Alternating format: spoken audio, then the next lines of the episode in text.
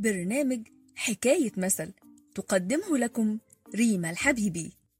وإحنا صغيرين كان لازم تلاقي في الفصل الطالب الأكول اللي بياكل أكله وأكل صحابه وفي يوم واحد زميلنا اتعملت له حفلة كبيرة علشان كان من الأوائل.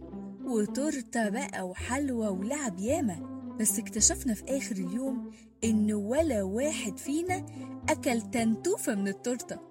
والسبب إن بسلامته منعنا تماما نقرب منها. ما هي أصلها حفلته والتورتة تورتته. يبقى ليه بقى ناكل منها؟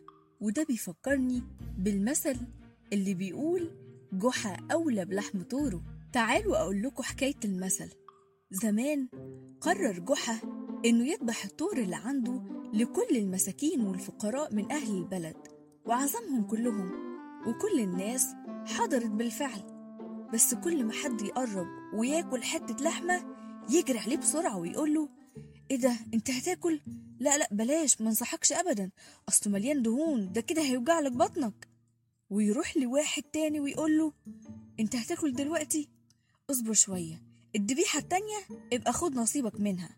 ويروح للتالت ويقول له أنت راجل عجوز اللحمة دي ما تقدرش عليها بقولك إيه سيبك منها وكل فواكه.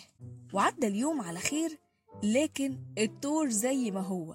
محدش قرب منه ولا أكل تنتوفة واحدة لأنه قال أنا أولى بلحم طوري ومن ساعتها بقى أي حد اللي يدفعه بيمين ياخده بالشمال تلاقيه حافظ المثل ده وبيعمل بيه في حياته.